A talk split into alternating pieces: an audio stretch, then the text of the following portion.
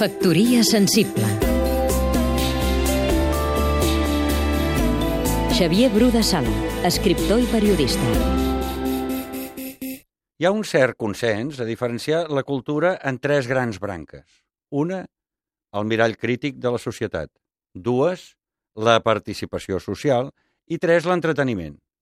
La funció de mirall o joc de miralls crítics en debat, contraposició o diàleg és la primordial. Les cultures que el posen en primer pla són més fortes i autònomes del poder.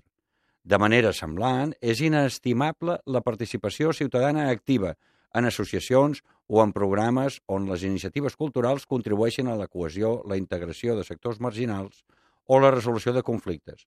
Com més cultura, menys presons.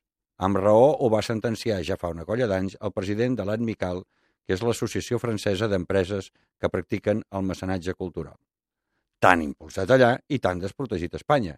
Valgui destacar en aquest punt, com a primera o segona pedra, l'acord de la Conselleria de Cultura amb la d'Interior per portar cultura, activitat cultural, a les presons.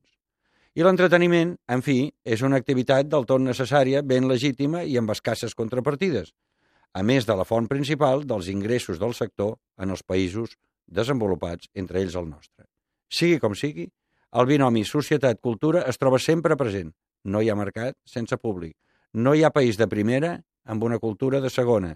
No hi ha cap nació ni societat, amb estat o sense, que no estigui vertebrada per una cultura que li confereixi una manera diferenciada d'estar al món i una veu pròpia en la cultura global.